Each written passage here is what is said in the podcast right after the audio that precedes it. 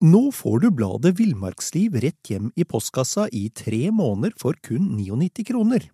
I Villmarksliv kan du lese om norsk natur, ærlige tester av klær og utstyr, og mange gode turtips skrevet av erfarne friluftsfolk, fiskere og jegere. Send SMS VILL36 til 2205 og motta bladet allerede neste uke. Lev livet villere med bladet Villmarksliv. There's never been a faster or easier way to start your weight loss journey than with PlushCare. PlushCare accepts most insurance plans and gives you online access to board-certified physicians who can prescribe FDA-approved weight loss medications like Wigovi and Zepbound for those who qualify. Take charge of your health and speak with a board-certified physician about a weight loss plan that's right for you. Get started today at plushcare.com slash weight loss. That's plushcare.com slash weight loss. plushcare.com slash weightloss.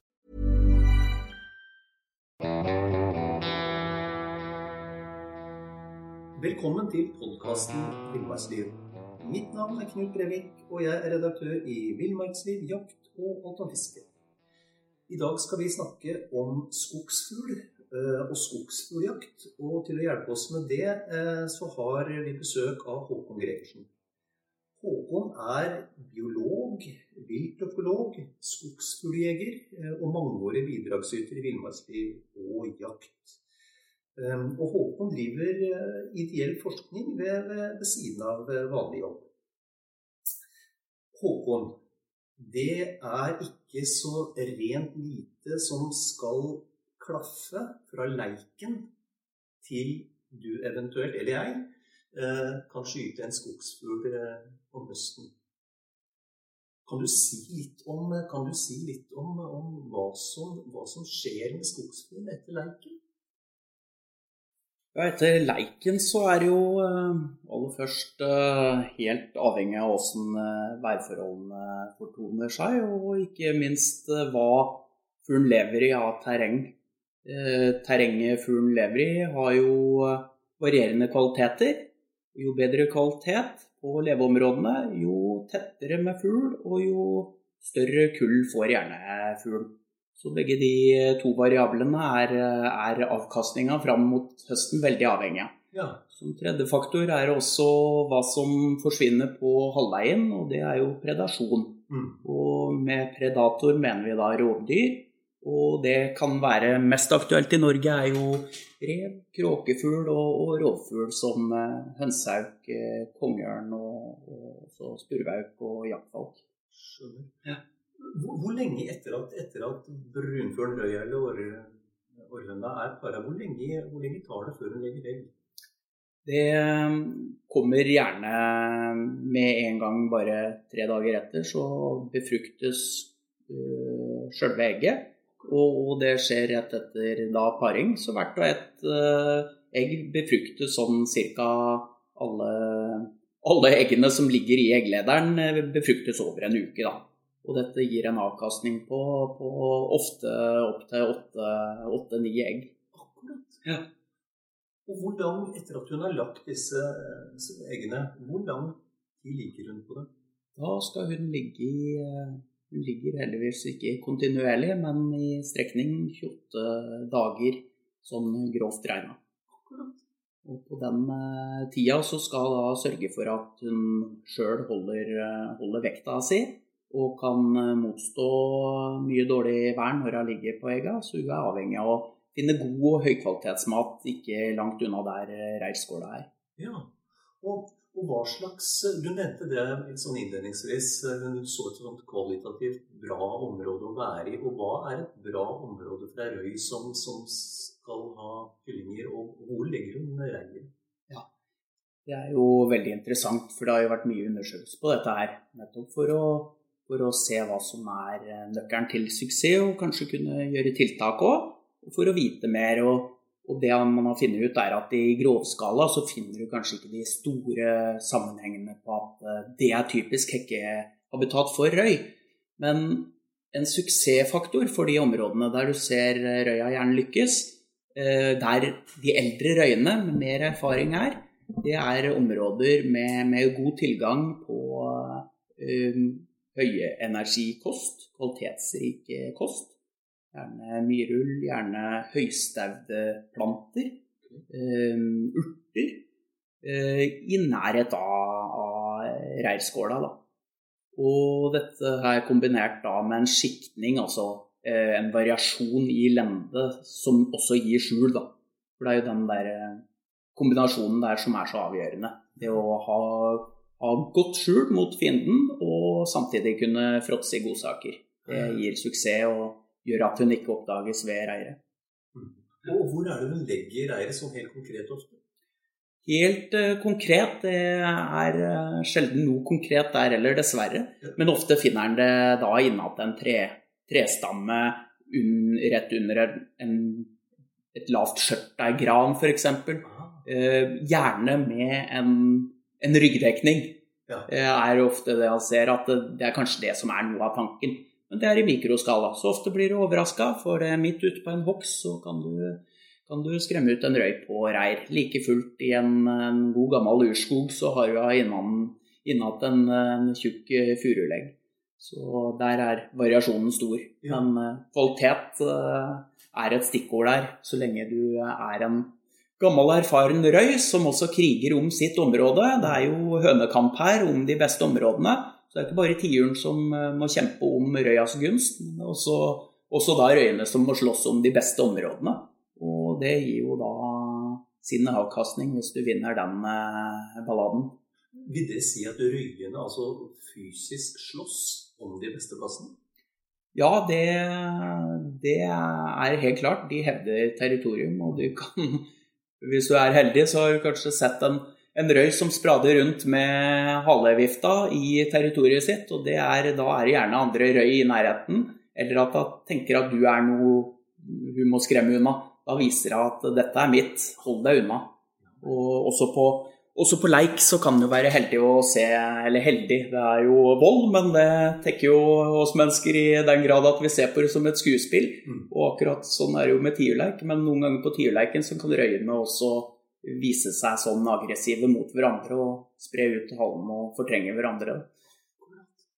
De sloss som de beste gutta, de òg. Ja, det kan Samme måte som Det er noe testosteron der òg. Akkurat.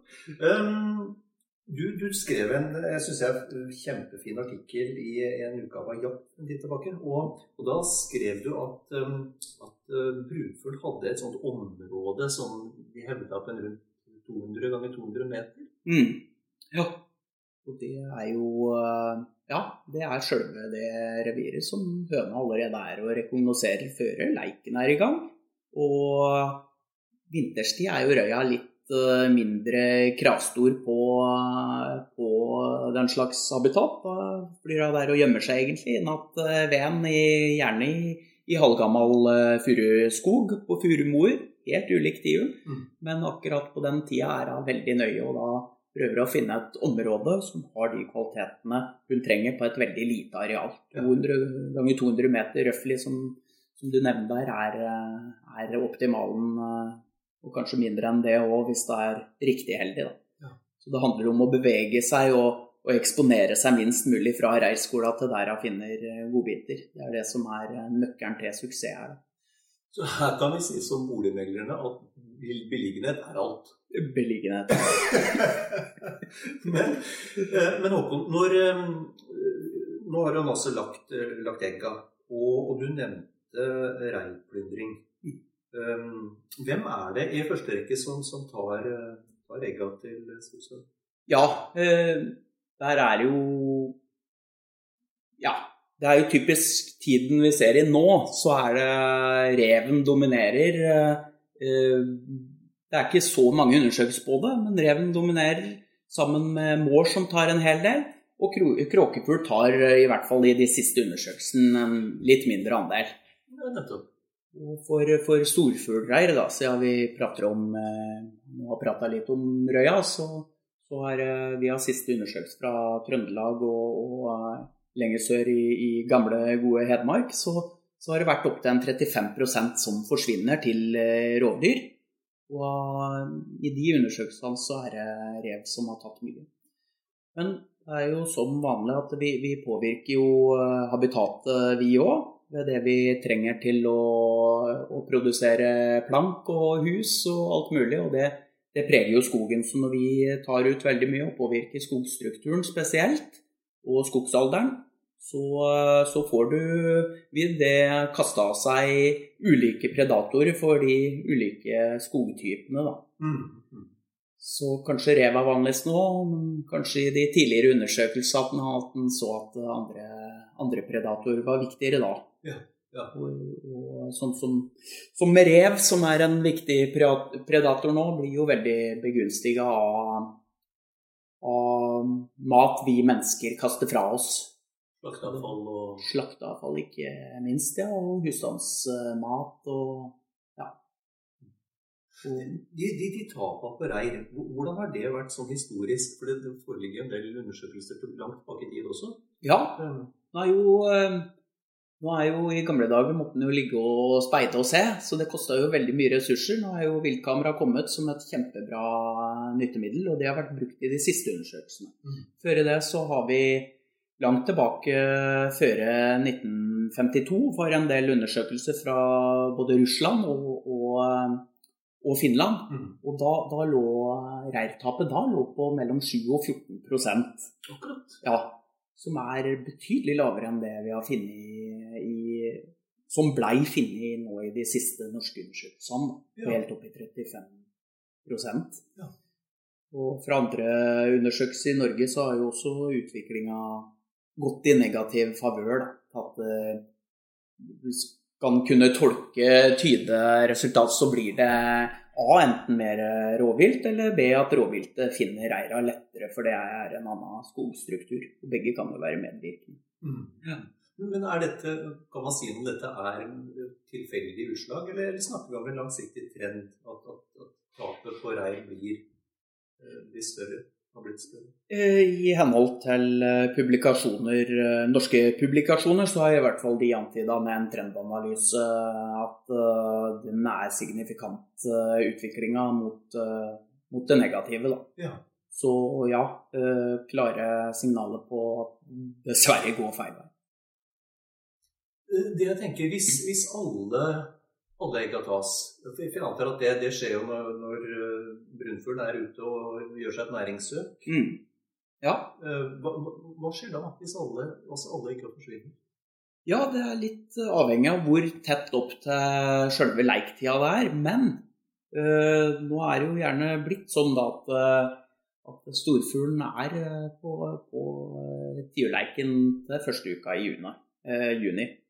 Eh, med egne undersøkelser har jeg sett eh, helt så seint som ut i eh, midten av juni at du har tiur på tiurleik som er klar for at røyene kan komme tilbake. Så det er jo helt vanlig at folk kunne gå på, spesielt i den tida du jakta på leik, at folk visste det at rundt 17. mai da kom det en ny sjanse til å få mat i skapet. Og sånn er det gjerne fortsatt. Du er tilbake rundt den tida, så kan du få fine, fine opplevelser på Tierleiken. Mange røy vender gjerne tilbake da, spesielt når det har vært dårlig vær. For da, da parer de seg en gang til? Altså. Da parer de seg, men at du kan ha det samme helt ute i juni, det er jo også rått. Da. Det kan jo være røy som til og med har mislykkes to ganger. Tvilsomt, men kanskje. Så muligheten er der. Det er plastisk. Men, eh, men, det jeg skulle si, hvordan, hvordan går, vet, vi, vet dere som, som, følger med på sånt, vet dere noe om hvordan det går med kyllinger som, født, som blir klekka så sent? Eh, ja, det er jo absolutt ikke, ikke optimalen. Sånn er, jo, sånn er, jo, biologien stort sett skrudd sammen til det optimale. Men eh, situasjonen nå med med hele, helt klare nye, eller helt uklare nye stokastiske stokastisk utvikling på vær og altså klimaet vårt, som har så stor variasjonsbredde og får større og større variasjonsbredde, så kan det jo være at den nye strategi Det er jo ikke en aktiv strategi, nei, nei, nei. men at utfallet kan være heldig i noen tilfeller, da. Mm. Stokastisk, det må du forklare hva betyr. Altså, det er veldig Du kan ikke se den samme sammenhengen på klimaet lenger. Altså, det betyr bare at variasjonsgraden mellom sesongene er mye større enn tidligere. Det er jo typisk sånn vi ser at det er enda større forskjell i uvær og, og, nedbørsmengder. At det blir mer styrtregn, at det blir mer, mer vind, og at alt blir mye røffere. Da. Mm. Og det vil jo også få noe å si for hvordan sesongen utpreger seg. Og dessverre også bestanden. Da. Mm. Arten er skrudd sammen for andre gitte forhold, men har selvfølgelig stor, et stort mulighetsrom mm. til å tilpasse seg, og så er det bare at det ikke ryker over det mulighetsrommet. Mm. mm. Så mulighetsrommet er der, og, og, i noen år så kan det jo være at uh, det går uh, veldig fint å være litt seint ute. At det er en, en, en god ende på det hele. Ja. ja. Spennende. Da har, vi mm. altså, da har vi altså vært over eggleggingsperioden, og så, og så kommer vi fram til da hvor, hvor, hvor hønsefuglene faktisk eh, får kyllinger. Mm. Og, og, hvordan skjer det, og hvor raskt? Altså, hva skjer da? Ja, det er hønsefugl, og alle som har eh, stått med en uh, røy tiur i handa si og, og ydmykt sett på det viltet, ser jo det at det er noe alvorlig klubber av noe bein. Og der er de allerede som kyllinger. Eh, de har en tilpasning der. De har ikke flyvedyktighet eh, rett fra reirskåla, selvfølgelig. De kan først fly etter en ti, ti dagers periode i korte, korte, etapper, akkurat for å rushe unna en angripende rev eller noe. Men, eh, men, beina har de med seg helt fra starten, så det er noen ordentlig små proteinklubber allerede der. Sprinter, altså? Ja, sprintere, rett og slett. I hvert fall lagd for å komme seg rekke over lange avstander. For ikke sette altfor mye eh, luktspor i ett område for at reven aktivt kan søke de opp. Så de går, finner gode områder å spise i, blir der en stund. Må komme seg av gårde før de blir funnet av et rovdyr. Så i noen tilfeller så, eh, så har jo forskning vist at eh, de kan gå såpass mye som helt opp i nesten 800 meter per døgn. Nesten en kilometer, altså, og i noen tilfeller faktisk over 1,5 km på et døgn. Og det gjør de fra dag én, dag to? Eller? Ja, det er jo helt utrolig, men eh, ja. Det kan de gjøre. Ja. Så de har eh, De er skapte for det livet. Og det er jo veldig viktig for dem i den tida òg, selvfølgelig, for ellers så ryker de med hvis de ikke finner god mat. Eh, med god mat så mener jeg igjen at det er høykvalitetsmat kombinert med dekning for rovdyr. Da. Mm. Ja. Så, så, så, det brunfuglen gjør, eh, eller røya, da mm. Hun samler altså de nyklekte kyllingene bak seg, og så tar hun dem med på en ekskursjon, en daglig ekskursjon. Ja, bra, bra sagt egentlig. For det, det, er jo røyas erfaring det går på her nok en gang. Hun hun har de gode plastene, sannsynligvis, uten å tenke som ei røy. Men du har nok eh, Det man kan se, da, er at mange av de røyene man har radiopeila tidligere, kan oppsøke akkurat de samme, samme områdene igjen. Så er, at erfaring her eh, spiller en stor rolle for overlevelse og, og kvalitet eh, på fôret kyllingene får i seg, er nok eh, veldig avgjørende. Så det er sånn, en sånn slags kunnskapsoverlevering fra ene generasjon til neste? Ja, det kan nok eh, definitivt eh, også være, men det blir nok sånn at den Ja, det, det, det kan være det. Men jeg tenker Jeg tror jo ikke de eh, kyllingene, de kyllingene som er med røya, vil jo i stor grad forsvinne fra området. Men, men den kunnskapen hun sitter på eneåret, tar hun med seg selvfølgelig til neste år for å, for å ta med nye kyllinger da igjen. Da. Ja. Ikke det at det smitter over på kyllingene hvor, hva som var gode, gode områder. Det, det, kan jo være at de gjør det òg. Ja. Spennende. Altså. Ja. Men um, kyllingene, ja. De, de, er jo flyvedyktige etter, som du sier, eh, åtte-ti dager, var det det? Ja. Hva, hva slags Og, og du, du, har jo vært inne på dette med reven, som, som jo hele tida på utkikk etter noe å sette til i. Men hva slags andre farer er det som truer disse kyllingene da i de første dagene? Det er eh, selvfølgelig veldig avgjørende med været. Så eh, hvis det blir veldig, veldig fuktig i kombinasjon med kulde, så, så vil det jo da fryse i hjel. Og eh, akkurat toleransen mot fuktig, kaldt vær, den har vel vist å være kanskje litt eh, større enn han hadde ant i starten. Men det har mye å si. Så, så da får de jo ikke brukt så mye tid på matsøk som de gjerne skulle ha gjort, og vokser seinere og kommer seg saktere opp i flyvedyktig eh, tilstand. Taper vi jo da være preg av at det er en forsinkelse i utviklinga. Mm. For de må inn under eh, røya for å søke varme ganske ofte da. da. Og det gjør at hele, hele hopen da blir ekstra utsatt for rovdyr òg. Nettopp. Mm. I tillegg til at de ikke klarer å eller, bruke den tida de skal på å ta på seg føde Ja, og. Mm. Helt riktig. Og i tillegg så er det jo det sekundære at i, i dårlig kaldt uh, vær så er det jo mindre utvikling av insektene òg, som er maten deres. Og da kan det også være mindre matfat uh, der.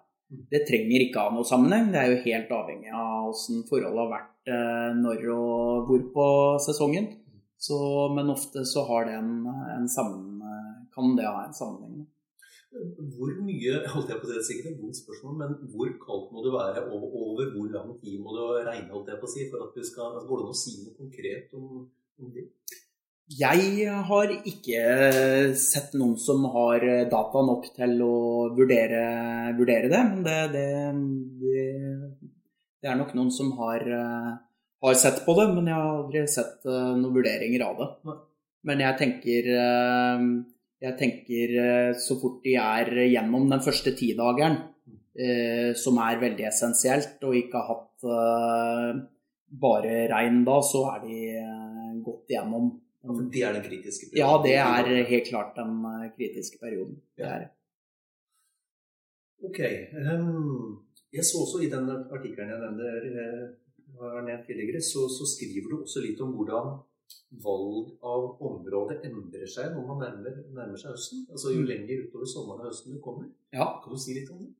Nei, det er jo da I den helt første fasen, fram til en treukers tid, så er eh, proteinet veldig viktig for vekst. Og proteinen det finner i insekter. Eh, Men allerede fra andre, andre leveuke så har de begynt på blåbærkost, som er nøkkelplanta over alle. Så er det blåbær.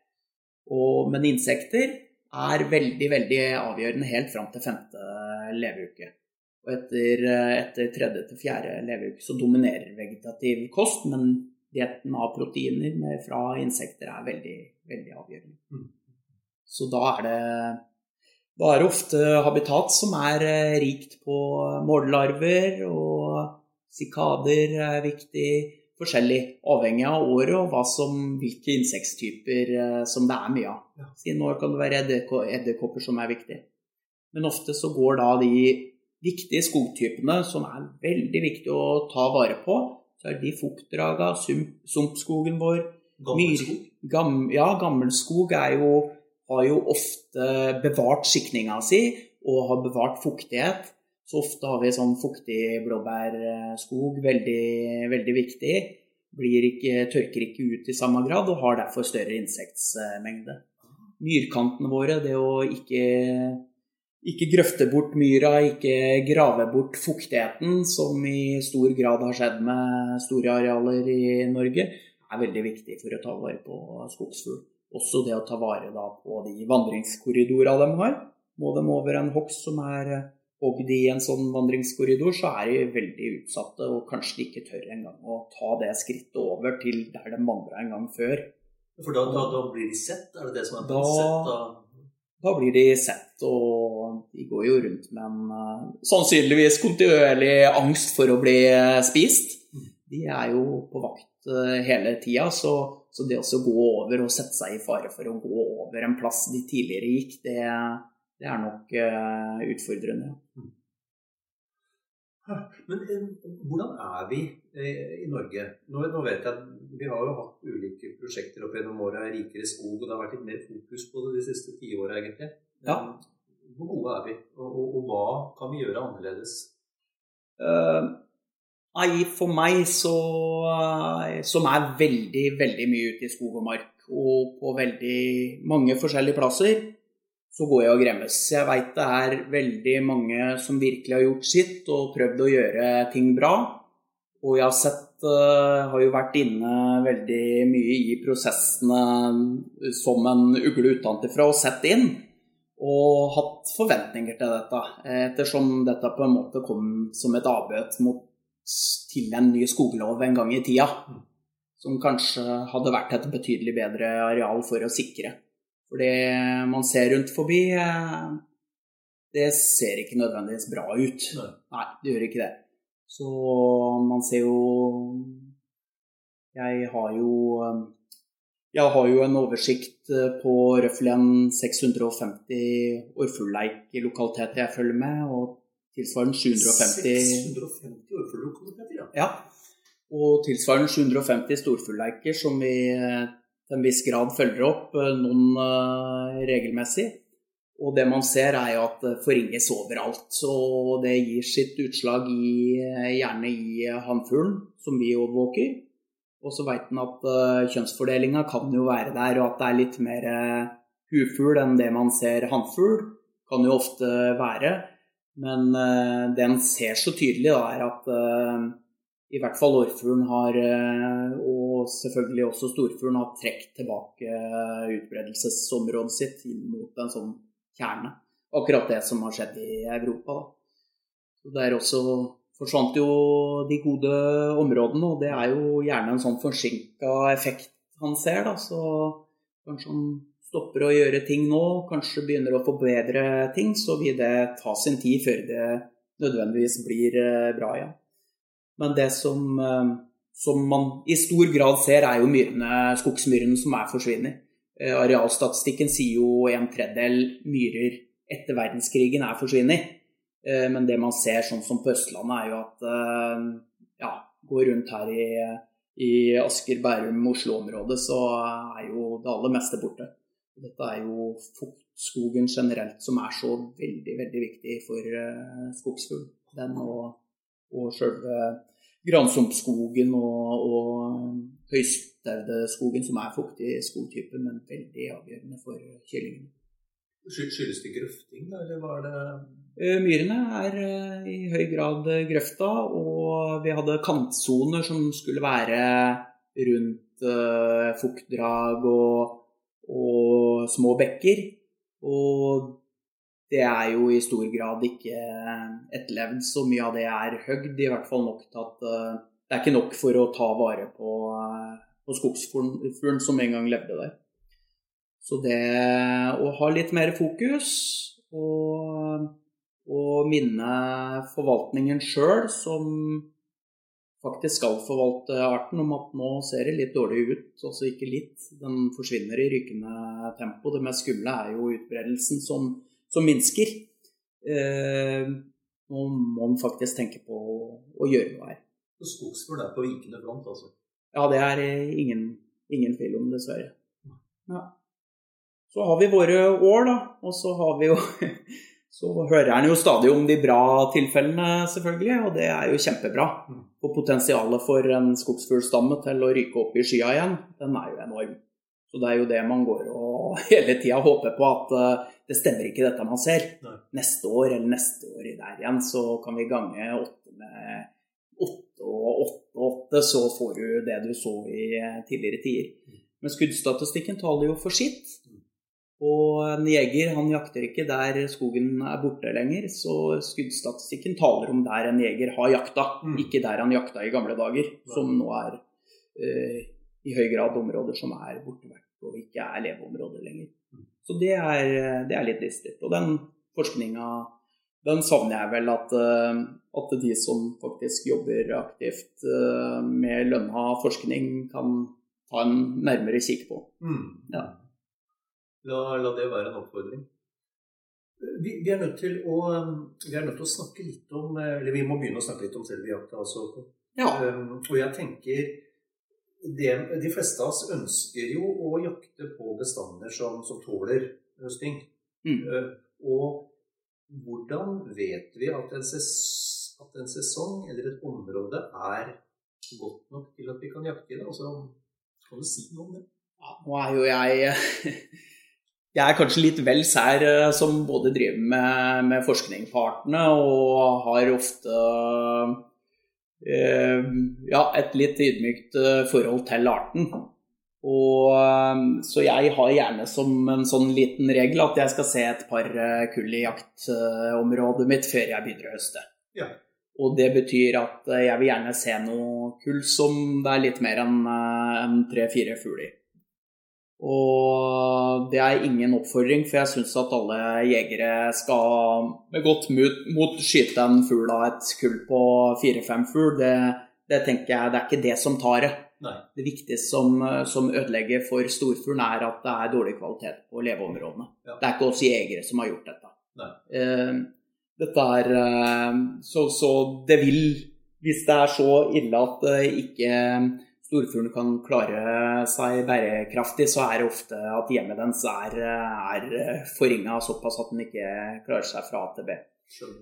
Eh, men jeg personlig eh, liker ikke å skyte før jeg har sett at det faktisk eh, er en god forbrødring, da. Mm. Og samme gjelder vel gjerne med brunfugl, som jo også forskning viser at ut ifra de forskningene de har hatt, så har de ikke hatt noen effekt av å spare brunfuglen. For det der er jo en sånn evig diskusjon. Det er en evig diskusjon, og den har ikke jeg tenkt å melde meg på i det hele tatt. For det, da vil jeg se et veldig høyt materiale før man skal uttale seg om den, eh, den slags. Men, eh, men, jeg tenker at uh, i, i sine områder så bør gjøre opp en eh, avgjørelse på kanskje hvor mye brunfuglen sånn på leiken, for det er de samme som kommer på, på leiken. Leiken er en fin måte for jegeren eh, som har jakt i samme område, å følge litt med på bestanden. Så ligger han der i høneuka og ser eh, åtte til ti røy, og ta ut ei røy da syns jeg er helt på sin plass å gjøre. Mm. Det, det, skal han ikke skamme seg over. Det er ikke det som feller bestanden? Nei, det er ikke det. Så så tallene der, statistikken der, er jo grei. Skal han gjøre det beste ut noe, så kan han jo også gjøre et avbøt mot det, da. At han er flink å prate med skogeieren og kanskje plante litt, eh, litt forvaltningstanker rundt for meg. Så har han eh, i hvert fall gjort noe godt, hvis han klarer å, å si at akkurat der er viktig kyllingområde, og da vil nok fort vekk en skogeier uh, høre på det. Mm. Ja. Men det med å være til stede på leiken er et veldig bra tips. Da. Som du sier, da får du jo et overblikk over hva som er av fugler. Ja. Men, men, bortsett fra det, hvis man ikke har anledning til å være på leiken eh, Taksering. Altså, er det noe man kan gjøre på egen hånd, eller er du da er du nødt til at det skal være holdt jeg på å si, et proft takseringsopplegg før du kan si noe kvalitativt om, om bestanden? Nei, jeg tenker jo akkurat det å gå ut i skog, i skog og mark, kanskje vente til, til, den perioden hvor fugla kan fly, i hvert fall. Etter første leveuka. Kanskje aller helst eh, godt ut i juli. Og har en hund, så er jo det en fin eh, måte med den i bånd. Å lukte seg fram og, og få, få sjekka de områdene. Da vinner jo fort eller fort, sier jeg. Det er jo litt avhengig på mengden, men ofte så finner den eh, kyllingområdene uh, da. I gjerne de fuktstrøka som er i terrenget. Mm. Etter hvert var vi jo Vi var jo litt inne på det tidligere, at eh, det er jo et habitatskifte etter hvert. Fuglene blir jo større, og da da kan de heller gå litt inn i tettere skog. Ofte er ungskog, eh, forynga skog, kan være ganske populært nettopp pga. at de er blitt større og vil holde seg i skjul for både fra lufta og fra reven. Mm. Mm. Og da må jeg nesten spørre deg, fordi du sitter jo på en ganske unik oversikt med, med, med, med så mange områder du har eh, monitor på, holdt jeg på å si. Mm. Hvordan ser sesongen ut i år? Ehm, da må jeg nok eh, skuffe litt, for analysen av året Det er ikke sett noe mye på de dataene som vi har fra viltkameraer og den slags. Men jeg har jo gått uh, mine mil i norsk skog her og der. Mm. Så uh... Nå får du bladet Villmarksliv rett hjem i postkassa i tre måneder for kun 99 kroner. I Villmarksliv kan du lese om norsk natur, ærlige tester av klær og utstyr, og mange gode turtips skrevet av erfarne friluftsfolk, fiskere og jegere. Send SMS VILL36 til 2205 og motta bladet allerede neste uke. Lev livet villere med bladet Villmarksliv. Elevate your travel style with Quince. Quince has all the jet setting essentials you'll want for your next getaway, like European linen, premium luggage options, buttery soft Italian leather bags, and so much more. And it's all priced at 50 to 80% less than similar brands. Plus, Quince only works with factories that use safe and ethical manufacturing practices. Pack your bags with high-quality essentials you'll be wearing for vacations to come with Quince. Go to quince.com slash trip for free shipping and 365-day returns. Jeg tenker jo at uh, sesongen i år har vært uh, ganske bra i de områdene jeg har vært på Østlandet. Det bugner jo nå mange steder med bær, uh, og sesongen generelt var jo har vært sånn noenlunde Den har ikke vært kald, ikke sånn voldsomt mye, mye nedbør. Selvfølgelig har vi, vi har sytt over sommeren, men uh, fuglen tror jeg har hatt nok av insekter. Så ja, sånn midt på treet. Jeg har jo sett noe kull, men jeg har jo heller ikke de store forhåpningene om å se så mye kull, for det, jeg syns jo det har gått ned veldig mye. Men jeg har vært en del på Å, får jeg si, jeg har jo vært en del på Leiker også i år.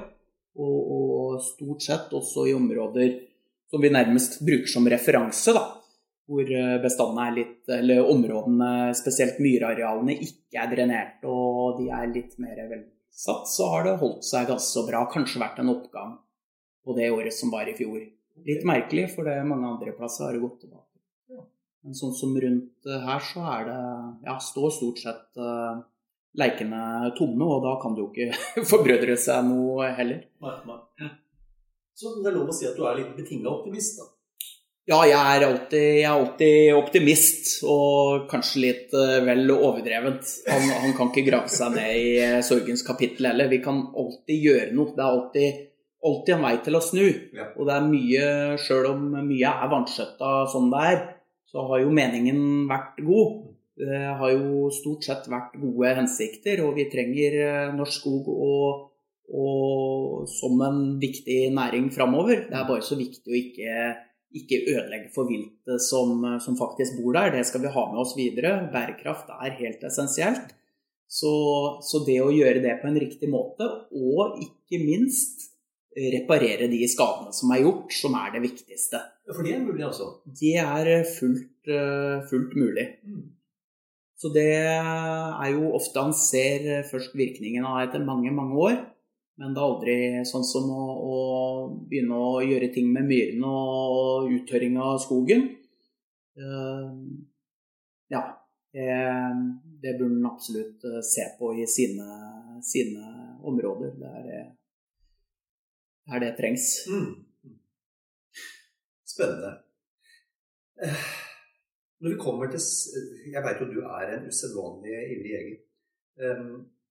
Når det kommer til selve jakta, hvor stor rolle synes du vær og vind spiller inn på hvor fugl oppholder seg? Nei, jeg syns det har veldig mye å si, ja. Men det er, altså det er jo kombinasjoner her òg. Så man kan jo få kombinasjonen vær og vind og vått, og vær og vind og tørt. Så jeg har jo sett litt av mye uventa i løpet av livet, men jeg forventer jo alltids at fuglen er relativt lett på vingen under, under vindforhold. Når, når, det er mye vind, ja? Ja. Nettopp. Ja. Og tilsvarende med fuktig vær så kan, og dårlig sikt, så vil den jo ofte være lett på vingen. Mm. Andre ting som spiller inn, er selvfølgelig hva er som regjerer av fiender. De som er der hele tida. Er det mest rev, er det mest kongeørn, er det jaktfolk? Og det har jeg jo ofte opplevd, opplevd på annet enn skogsfugl. Eh, på rype. Og når du ser kongeørnjakter, så, så driver da, da går det store flokker med rype opp på vingene og kommer seg unna ørna. Den klarer ikke å ta igjen de stort sett. Mens kommer jaktfalken, så ligger de og trykker som røkke. Og sånne er nok en tilvenning. Jeg syns å se det også på, på leiker, hvordan, hvordan fuglen oppfører da, ettersom hva som er den vanlige rovdyret i teigen. Mange leiker kan du se at storfuglen spiller bare i trær, og at det er blitt en tilvenning der. Kanskje det er mye rev der. Reven ligger jo på lur på en tierleik under uh, rotvelta, under skjørtet, og venter på at tiuren skal komme rett forbi. Mm. Så da er det bedre å komme seg opp i et tre og spille like ærlig derfra. Ja. Og tilsvarende så har man jo hatt ja, han har jo mange steder hatt en oppgang i, i eh, noen veldig effektive jegere med bevinga jegere, sånn som kongeørn og, og hauk. Og de, de, Da kan leiken trekke seg inn i skjørtegranskog og tilsvarende tetter. da. Også mye orrfuglleiker som, som lå på koller tidligere. De er jo er jo ofte trukket ned fra den kollen de lå på, og ligger lenger nede på litt mer beskytta områder før man kan søke ly. Og Samme forventer jeg egentlig når jeg er på jakt, at uh, her er også en nøkkel annet enn akkurat vær og forhold som man skal se på. En tørt vær. Syns jeg tørt og varmt vær, da forventer jeg at en fugl trykker. Ja, ja. Men det er ganske fantastisk å tenke på. Veldig dynamisk. Altså, du nevner det her med hvordan de, de endrer atferd etter, etter truslene som dukker opp. Ja. Veldig dynamisk ja, det er jo det. populasjon. Ja. Det er en grunn til at arter utvikler seg, og det ser en så tydelig da når eh, sånne regimer endrer seg over relativt kort tid. da. At manns minne fanger det opp. Ofte så er jo det som er problemet at han husker ikke åssen det var før, og manns minne er vel Jeg husker ikke. ja, ja, 14 dager. Men vi, må også snakke litt om sansene til skogsfugl. Mm. Um, hvilke sanser er det de bruker eh, først og fremst ja. uh, i forhold til deg som jeger, for å avsløre det? Ja, her, uh, her, går det jo nok en gang på hva som egentlig er gjort av forskning, da. Jeg tror, uh, altså Man vet at øya til skogsfugl de, de, er gode. Mm. Hørselen er, hørselen er helt klart på vakt ennå. Alle som ligger på storfuglleik fra gammelt av, kunne jo hoppe inn på en storfugl. Det gjorde de eh, gode gamle spillejegere. Hoppa inn på den akkurat når han spilte, for da hørte han ikke. Ah. Men, men det å lytte er nok, lytte er nok veldig viktig for en storfugl, sjøl om vi i hvert fall uh, forskninga kanskje ikke har vært så stor på både hørsel og lukt. Men synet vet man at det er, er godt, og det å det er jo fargesyn det går i der. Det er ikke som på hjortevilt hvor det er noen skygger her og der. Jeg vil ikke si at en hjort har dårlig opplevelse eller har dårlig mulighet til å, til å detektere ting med syn, men, men fuglen har stort sett eh, betydelig, i hvert fall bedre syn enn vårs. Mm. Ja. Og lukta, den er nok eh, Den er gjort fint lite på. Mm. Jeg, eh, jeg forventer at akkurat som andre hønsefugler Eh, som skal i stor grad lukte seg fram til fugl, men også bruke synet aktivt, så tror jeg nok at, at den har betydelig bedre luktsans enn oss, i hvert fall. Som har en relativt dårlig luktsans. Mm. Så man kan jo se det på beitefuruer, hvor det er spesielle, spesielle trær som velges. Og det er klart det er nok en gang avveining mellom kvalitet og muligheten til å oppdage predatorer. Men at det er eh, noe med, med muligheten til å, til å, lukte seg fram til eh, riktig kvalitet, er nok definitivt stedet. Ja. Men det å lukte fiender, det, ja, det har jeg ikke lest noe om. Og det hadde jo vært rart om de ikke har den muligheten, men synet veldig viktig. Mm. Mm. Så det når man Ja, det kan vi jo kanskje komme tilbake til, men hvordan man skal snike seg inn på fugl, er, er da gjerne, gjerne ved rolige rolig bevegelser, da. Du stopper opp, så får du nå det. Hvordan jakter du? Um, nei, jeg, jeg er jo av av en vitenskapelig tilnærming, så jeg er kanskje ikke den ideelle jegeren sånn sett. Jeg veit jo åssen jeg burde jakta, men jeg liker å komme over veldig store arealer for å se mest mulig, for å få et inntrykk av bestanden. Det betyr jo da at jeg stopper mye i de områdene hvor jeg eh, forventer at det kan være fugl, mm. men jeg eh, går effektivt gjennom de områdene hvor jeg ikke forventer å finne fugl. Mm. Mm. Og den forventninga trenger jo ikke alltid å stemme med, med, sannheten. Så I noen tilfeller så går den jo forbi mye fugl da, eh, og kanskje ikke fuglen sitter der han har forventning til. da. Men i, i, i sånn, for å få opp fuglen, så lønner det seg jo da å trekke til det habitat som er det bærerike området, det som har de næringsemnene som fuglen velger der og da. Mm. Eh, blåbær er jo alltid viktig, så er det visse steder det er mye blåbær, oppsøk de. Og gå der eh, stopp ofte. Gå sakte, stopp, øh, stopp ofte. For det fuglen trykker gjerne. Den bruker jo beina som en, som man er en sprinter, og den løper gjerne unna istedenfor å fly opp. Ja, For det blir ikke noe dårligere til å løpe enn våre? Nei, det er helt sikkert. De er raske. Nå på denne tida så er det jo sånn, eh, sånn eh, man gjør innen forskninga for å, for å fange fuglene, så kan du løpe dem igjen, rett og slett. da. Men det er ved å drøye dem ut, for da mister dem eh, Da skifter de ut vingefjøra. Men vi har jo vært borti det når vi skal skifte radiosender, og da skal du jammen løpe langt og vel for å klare å ta dem igjen. Men, men, men går vi, syns du, gjennomgående når vi For du har jakta mye støkk. Nå ser jeg det ligger en fin setter her, så, så det blir åpenbart jakt med hund nå. Men, men du har jakta en del støkk? Ja, veldig mye. altså, går, vi, går vi for fort? Jeg tror gjennomført eh, at man gjør det. Så det Det er en indignert til dette, så er det kanskje handler om å gjøre en prioritering, en analyse av området. Hvis den er ukjent, gjøre en analyse av området før han drar ut. Mm. Slutte å kaste bort tid på feil områder. Men noe foranalyse må en jo ha for å finne de områdene som jeg nevnte med bær og andre næringsemner. Mm. Men eh, det som som regel klaffer, er jo eh, tett eh, fuktskog tidlig i jakta, der kulda fortsatt sitter. Eh, prioritere de områdene, da, gå sakte. Mm. Nå, nå har ikke jeg brøkdel erfaring i forhold til deg med, med skogsbruk, men, men jeg husker at da jeg gikk mye på støkk, så var vi jo veldig opptatt av kantsonene. Altså, Ja. Det var ofte giftige områder Mm. mellom myr og skog. Det er, eh, det er helt klart et område veldig mye orrfugl sitter, også storfugl. Nå nevner jeg, når jeg prater om skogsmyrene, så er jo det de, fra de helt små åpningene Mm. med furumyr eller gransump Mm. Mm. som er så viktig, for det, en kant alltid, har alltid sitt eget habitat. Altså med habitat da mener jeg altså at det vokser spesielle næringsemner der, da. Spesielle planter. Og det er spesielt lys der. Blanding av lys, fuktighet fra skogen innafor gjør at det er mye, gjerne mye insekter og spesielle planter akkurat der. da. Mm. I tillegg til at uh, fuglen da har en trygghet ved å kunne rømme fort inn i skogen samtidig som man har mat. Så også myrkanter, hogstkanter, alltid viktig å gå langs.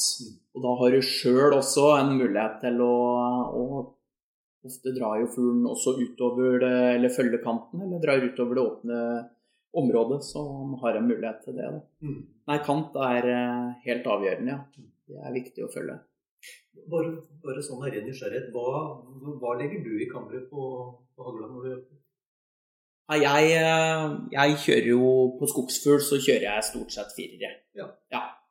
Og eh, går vi mot eh, områder uh, belasta hardt av større fugl, og spesielt storfugl, så eh, kommer det treer inn. Mm. Ja. Og jeg eh, Det er sjelden Det er sjelden jeg bruker noe eh, ekstra tungskyts. Jeg har magnumkammer, og jeg har muligheten til, eh, til å spe på ekstra som kommer ut av løpet. Men eh, jeg er veldig, etter å ha brent meg tidligere i livet med å ha dårlig samvittighet for ting som ligger igjen i skogen, så, så prøver jeg alltid å skyte på heller 25 meter og kortere enn opp til 35. Ja, for du syns det er, begynner å bli langt? Ja, mine erfaringer med det er det. Mm. Så heller bruke, bruke den tida innafor. Men det er nok en gang vi har en, eh, vi har en jegeropplæring som er veldig god. Mm. Men akkurat det å ikke skyte hvis den ikke er uh, sikker, uh, og skyte på langt hold, uh, ja, det er en vond følelse å sitte igjen. Han bør ha en vond følelse å sitte igjen med, med kre han ikke fikk igjen, som, som heller reven eller ligger igjen og dør av seg sjøl ute i skogen. Mm. Ja, men det er bra. Ja. Bra poeng. Vi må snakke litt om eh, når vi beveger oss litt utover høsten, eh, og, frosten begynner å banke på døra, og kanskje den første snøen ligger der en oktobermorgen. Hvor eh, altså, endrer du jaktstrategi da? Ja eh, Det er jo en tid hvor eh, Litt avhengig av terrenget, men har en høydedrag i, har en høydedrag i områdene sine, så kan jo ofte mye av fuglen ha trukket opp. Der er det fortsatt friske vær oppe i høyda. Det nede i lavlandet er spist opp. Eh, det er enda mer utarter seg hvor bæret er, og hvor den viktige maten er. Ofte finner du ikke, har du ikke høydedrag eller høyde å dra opp i etter orrfuglen, storfuglen. Så eh, kan du jo gjerne se etter eh, områder med små lysninger, hogster, hvor er tyttebær. Eh, som kan være det viktige på den tida. Eh, til og med jerpa, som eh, i utgangspunktet ikke liker å blotte seg noe særlig ut på hogst, kan trekke ut på små, små lysninger og foryngelser for å spise, spise bær der ute på.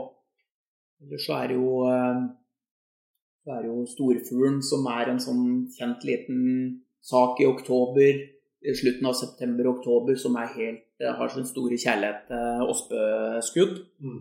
Så det å innom, eh, innom eh, hvis en veit om noen sånne små gulrotoaser som det, så er det ofte at tiuren også veit om de områdene.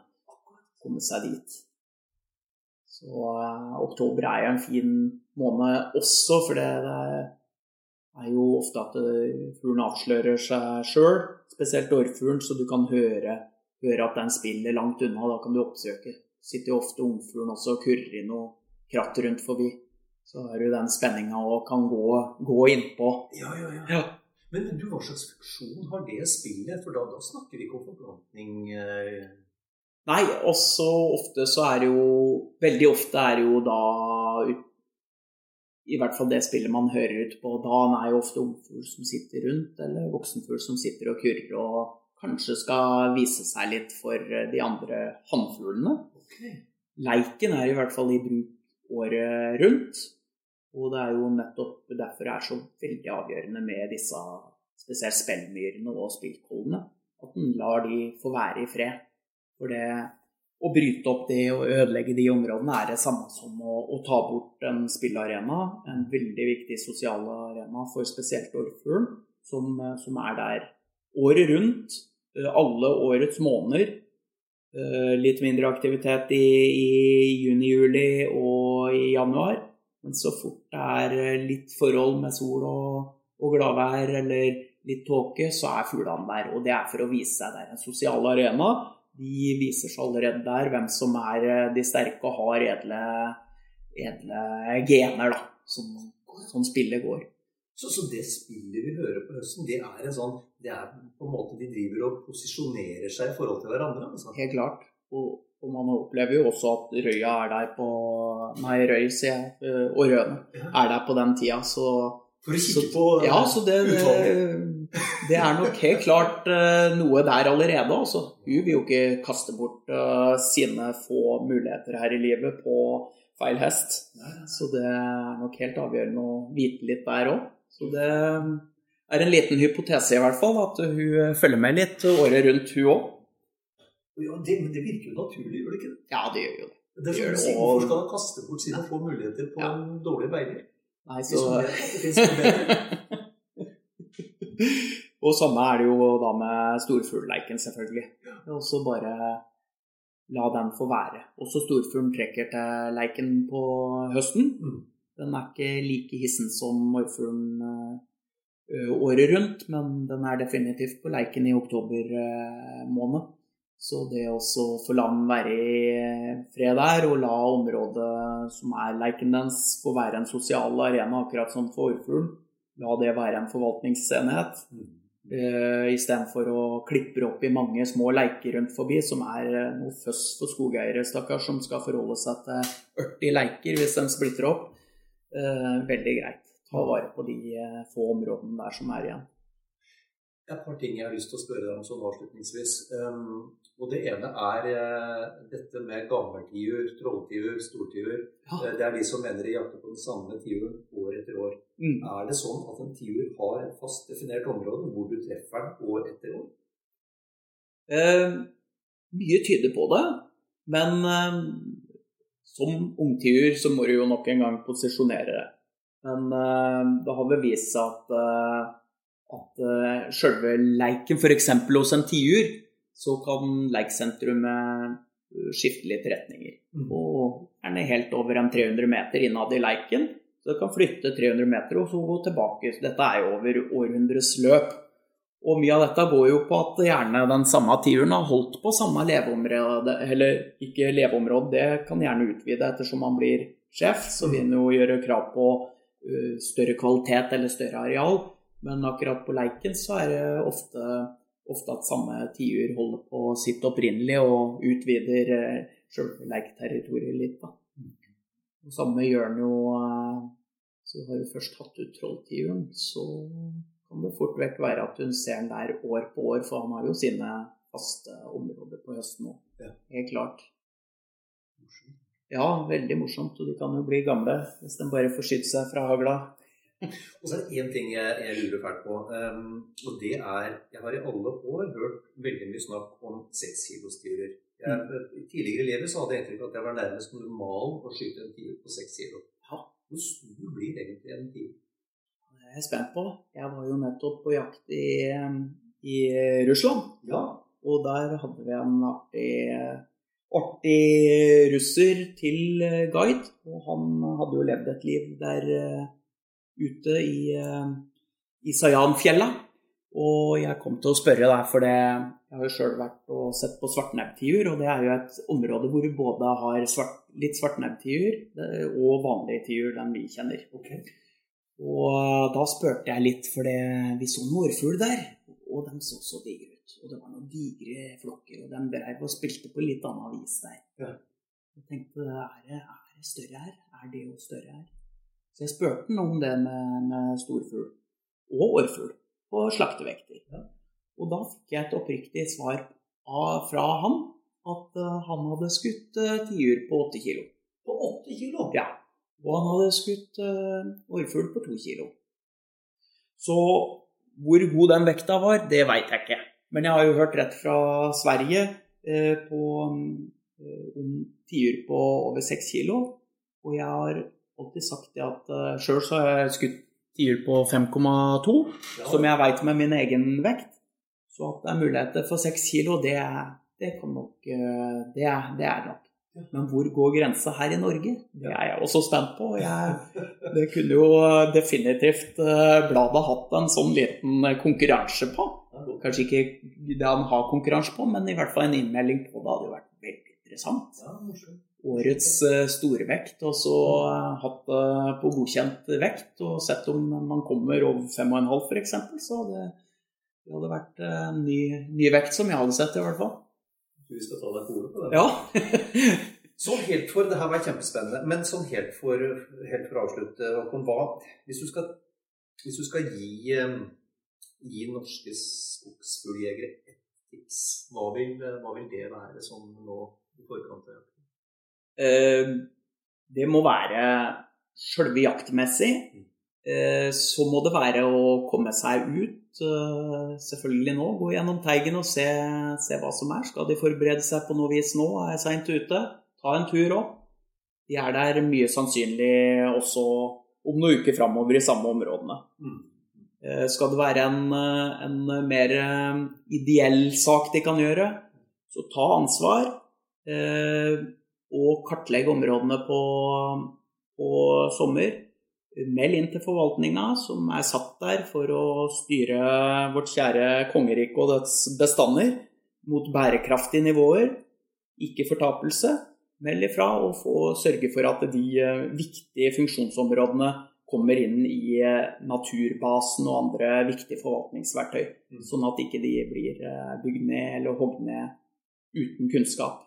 Og hvem skal vi ringe da? Hvor skal vi ta kontakt?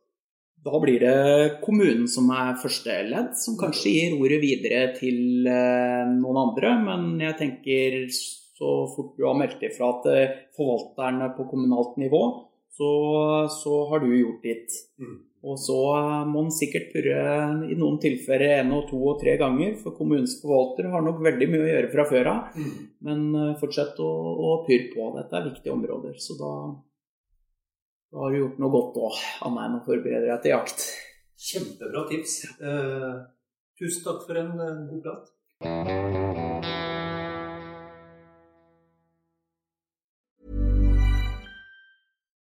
Nå får du bladet Villmarksliv rett hjem i postkassa i tre måneder for kun 99 kroner. I Villmarksliv kan du lese om norsk natur, ærlige tester av klær og utstyr, og mange gode turtips skrevet av erfarne friluftsfolk, fiskere og jegere.